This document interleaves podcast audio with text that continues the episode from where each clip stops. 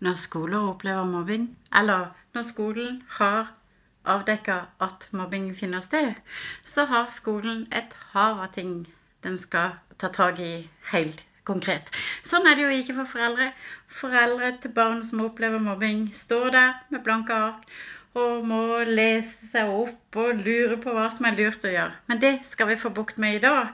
Og er du i spesialisthelsetjenesten, i BUP, i Harbu, eller du er PPT, eller du er lærer, eller du er rektor, eller bare en bekjent av en bekjent, ja, så er dette noe for deg. Fordi i dag skal vi knekke koden. Hvordan støtte foreldre til barn som opplever mobbing. Og de seks første stegene, og de kommer her på 1, 2, 3. Klart vi kan snakke om det. Velkommen til dagens episode. Jeg kommer til å snakke direkte til foreldre, fordi foreldre som akkurat opplever at sitt barn opplever mobbing, de Ja, det er litt som å bli kasta ut på ukjente stier, eller at de setter nedover den sorte slalåmbakkeløypa. Det kan være tøft både for barnet, familien som helhet og den forelderen som står nærmest situasjonen. Å ta tak i barnet sin situasjon, det haster. Slik at helsekonsekvensene blir redusert til det minst mulige.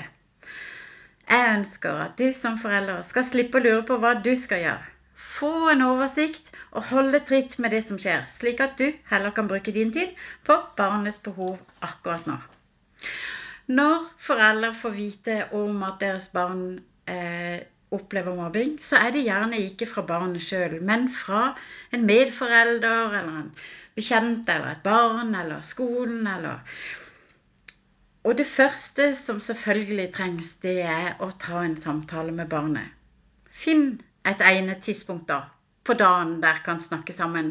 Og så kan det være lurt å gjøre noe samtidig. Altså en aktivitet som å gå tur eller bake eller svømme eller spille ball eller leke med Lego eller hva enn det ditt barn er opptatt av. Sånn at fokus går dit, på aktiviteten. Og dermed at det ikke er så tøft å prate om som det vil være rett over bordet. Og så, vit da at om barnet ikke har lyst til å fortelle, så er det helt normalt. Det kan både skyldes frykten for at situasjonen kan bli verre på skolen for barnet. Det kan være at det føler skam over det som har skjedd, og kanskje fortsatt skjer. Og det kan også være at barnet ikke ønsker å belaste oss voksne. Go figure. Hæ? Selvfølgelig skal vi være der for dem. Ok. Steg to, det er å varsle skolen. Mobbing deles gjerne i to kategorier. Altså at det skjer mellom elever, og da er det opplæringslovens paragraf 9 av 2 som gjelder. Og den lyder alle elever har rett til et trygt og godt skolemiljø som fremmer helse, trivsel og læring. Hvis det er, dreier seg om det andre, som er mobbing av voksne i skolen, så er det opplæringslovens 9 av 5 som gjelder. Og den lyder skjerpa aktivitetsplikt dersom en som arbeider på skolen, krenker en elev. Å melde fra til skolen er lurt å gjøre etter at barnesamtalen har eh, funnet sted. Gjør det skriftlig, f.eks. ved e-post til rektor. Og vis til lovparagraf 9 av 2 hvis det er mellomelever, og 9 av 5 hvis det er voksne. Og skriv der at du er bekymra for mobbing. Du trenger ikke å skrive veldig mye mer. Fordi det skal være nok til å sette i gang aktivitetsplikten til skolen. Og da skal du i løpet av de første fem dagene få en, et svar fra rektor, og der skal det også stå eh, når det første møtet finner sted. Det trenger altså ikke å være eh, møte det, i løpet av de første fem dagene, men du skal ha fått et svar med et møtetidspunkt. Og fram til det første møtet så skal skolen altså da gjennomføre observasjonsrunder rundt ditt barn i skolehverdagen. Det skal også snakke med andre elever, kanskje klassen, eh, kjøre noen eh, venneundersøkelser eller andre typer undersøkelser som akkurat din skole har. Og så skal de samle alle de tingene de finner ut av, og så skal de bestemme seg for noen ulike tiltaksforslag. Og i dette første møtet, da, der tar de med seg tiltaksforslagene. Og der er skolens oppgave å trygge det på at skolen kommer til å ta tak. Det er det viktigste de gjør akkurat da. Så skal de også komme, et, komme opp med et utkast til aktivitetsplan og presentere den, og med tiltaksforslagene i. Og en aktivitetsplan er bare et Word-dokument som da er et skjema, og hvor det starter med en beskrivelse av hvordan barnet har det, hva det er som har skjedd, og hva som gjør at det er en ny sak. Og så er det alle disse her ulike punktene om undersøkelsesdelen som jeg fortalte om i stad. Og så kommer tiltakene under der, og da er det tiltak både for ditt barn, så er det tiltak på klassenivå, så er det tiltak på, på skolenivå. Og for foreldre, da, for det, så er jo det viktigste å få fram det hva barnet har fortalt deg. Og så er det da de endringene som du opplever hos ditt barn, f.eks. om det er humørendringer, atferdsendringer, om det er fysiske smerter de klager over, osv. Og så ta også med da om det har vært noen endring i vennesituasjonen. Er det mange venner som har forsvunnet fra å komme hjem på besøk? Er det både i fritida, eller er det både på skolen og i fritida? Ja, du skjønner hva jeg mener. Det neste steget det er å bestille time hos fastlegen. Fordi, akkurat som jeg har sagt i stad, mobbing har helsekonsekvenser. Og disse helsekonsekvensene de trenger jo ikke å komme til syne med en gang, men blir tydeligere ettersom tiden går. Og da må jeg bare understreke, det kan også være vice versa. Altså at det slår ned i barnet som fysiske reaksjoner eh, i det øyeblikket hvor foreldrene blir kjent med mobbinga. Jeg må bare si det, så jeg har sagt det. Å informere fastlegen er lurt, sånn at fastlegen henger med. Eh, det er også både på mobbinger og endringer hos barnet fysisk og psykisk. Og det er også det å holde legen løpende orientert. Og hvis da saken varer lenge, så kan fastlegen være med inn i møter hvis helsekonsekvensene gjør at skolen bør gjøre noen tilpasninger i den forbindelse. Det er også viktig å ha, eh, å ha fastlegen med seg på laget, fordi det er fastlegen som henviser til spesialisthelsetjenesten, f.eks. BUP. da. Og så er det også fastlegen som utsteder legeerklæring, som bare er voksnes, eller barnas svar på voksnes sykemelding. Eh, F.eks.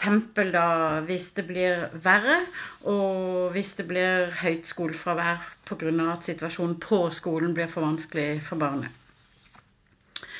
Det neste steget er da møte med skolen. Jeg har vært inne på formålet med møte med skolen. Det som er viktig, er å følge utviklinga etterpå. Når det første møtet er over, eller gjennomført, så gjelder det å følge med på de tiltakene som er, og den effekten som tiltakene har på ditt barn. Og da gjelder det ikke bare tiltak som virker, men det er veldig viktig å ta de med også, sånn at en kan videreformidle det i skolen. Også tiltak som man må ta tak i. Og da er det gjerne tiltak som ikke virker. Og da har man tre, stort sett tre valg, og det ene er å avslutte det, det andre er å justere det, eller å bytte det ut med noe annet. da, ikke sant? Eller ja, å fortsette det, selvfølgelig. Ja. Mm. Hjemme, da. Ting du kan gjøre hjemme. Det er steg fem. Hjemme så blir det viktig å holde fast på de hyggelige tingene som dere gjør. De tradisjonene dere har. Unnskyld. Om det gjelder um, lørdagskos, eller om det er noe tur på søndag og dere har som aktivitet, eller om dere har noen spillkvelder, eller hva enn dere har som dere gjør som er sånn sabla hyggelig sammen. Fortsett med de, og skriv de gjerne ned. fordi hvis det blir en sak som varer over tid, så kan det hende at de forsvinner litt i at man blir sliten gjennom uka. Og så skriv også ned ting dere har allerede snakket om, eller som dere da kan snakke om, som dere har lyst til å prøve sammen. Og det samme med å skrive ned de fritidsaktivitetene unnskyld, som der setter i gang med jevnaldrende. Og det dreier seg bare om å forsøke å holde sosialiseringa ved like. Og da trenger det slettes ikke å være med de som er i nærheten av skolen.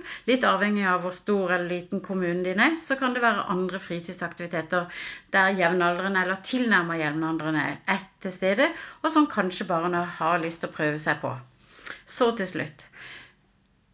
En viktig del av det å være forelder til barn i mobbesaker som jeg møter på, det er at jo lenger de varer, jo større belastninger har de på foreldrene. Fordi foreldre er verdensmester til å skulle altså da prøve å huske på alt som har skjedd, alle detaljer. Hvem som har vært involvert, hvordan det skjedde, eh, hva som kan være skjedd i etterkant, hvem man har sagt fra til, hvem man ikke har sagt fra til, hvem man må huske å ringe, hvem man ikke husker å ringe, når det skjedde, om det var i dette året eller neste år, eller ikke sant. Så det å fange opp enkelthendelser, det kan være en bisetning vi får vite om det fra barna våre. ikke sant?